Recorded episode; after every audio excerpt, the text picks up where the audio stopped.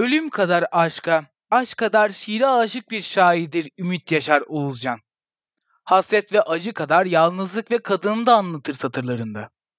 Sanat penceresi epey geniş olan Ümit Yaşar Oğuzcan'ın portresine en hüzünlü manzaradan bakacağız bu yazıda.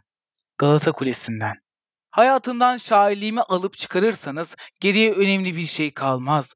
Öylesine tutkunum şiire. Ümit Yaşar Oğuzcan 22 Ağustos 1926 yılında Tarsus'ta dünyaya gözlerini açmış, kendi deyimiyle çilesi başlamıştır. Şiir sever bir ailede şiirle iç içe büyüyen Ümit Yaşar elbette ki şiire aşık olacaktır. Evlerinin duvarında çerçevelik bir sevgiden daha fazlasına sahip olan Faruk Nafiz Çamlıbel'den etkilenerek başlar şiir yazmaya. Sanat macerası 1940'ta Yeni Gün şairlerinin arasına katılmakla başlar. 1942'de ilk şiiri ve 1947'de ise ilk kitabı basılır.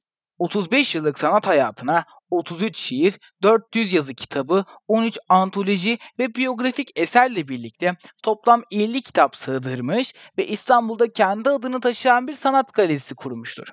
Önce şunu belirtmek yerinde olur. Benim hayatım roman değildir. Baştan başa şiirdir benim hayatım, şiirdir ve aşktır. Şairin çocukluktan itibaren atlattığı birçok kaza ve yakalandığı hastalığın his dünyasında bırakmış olduğu izler melankolik karakterini oluşturur. Ölümü yaşamdan daha çok sevdiğini her fırsatta söyleyen Ümit Yaşar, hayatı doldurması gereken bir çile olarak görür. Ona göre ölüm kurtuluştur. Birçok dizesinde ölüme olan aşkını dile getirir. Bu karamsar his dünyasından kurtulması için evlendirilmesi ve iki çocuk babası olması da fayda etmez. Bitmeyen ölüm düşünceleri ve yenileyen intihar girişimleri sonucunda babası Lütfi Bey şu satırlarla seslenir oğluna.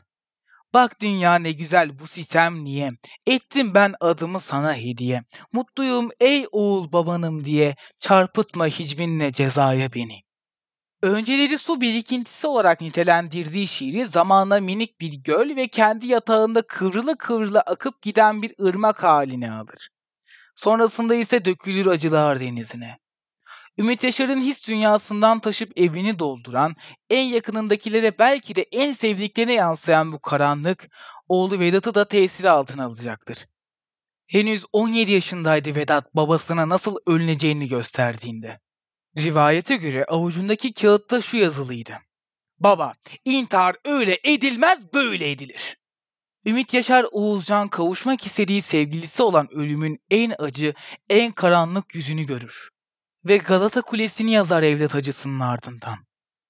6 Haziran 1973 Pırıl pırıl bir yaz günüydü.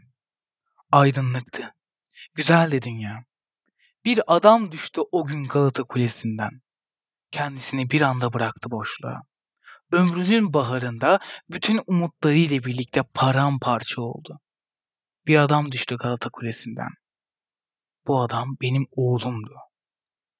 Gencecikti Vedat, ışıl ışıldı gözleri. İçi bütün insanlar için sevgiyle doluydu. Çıktı apansız o dönülmez yolculuğa. Kendini bir anda bıraktı boşluğa. Söndü güneş, karardı yeryüzü, bütün zaman durdu. Bir adam düştü Galata Kulesi'nden. Bu adam benim oğlumdu. Açarken ufkunda güller alevden çıktı. Her günkü gibi gülerek evden. Kimseye belli etmedi içindeki yangını. Yürüdü kendinden emin sonsuzluğa doğru. Galata Kulesi'nde bekliyordu ecel. Bir fincan kahve, bir kadeh konyak. Ölüm yolcusunun son arzusuydu bu. Bir adam düştü Galata Kulesi'nden. Bu adam benim oğlumdu. Küçücüktü bir zaman kucağıma alır ninniler söylerdim ona. Uyu oğlum, uyu oğlum. Ninni bir daha uyanmamak üzere uyudu Vedat. 6 Haziran 1973 Galata Kulesi'nden bir adam attı kendine.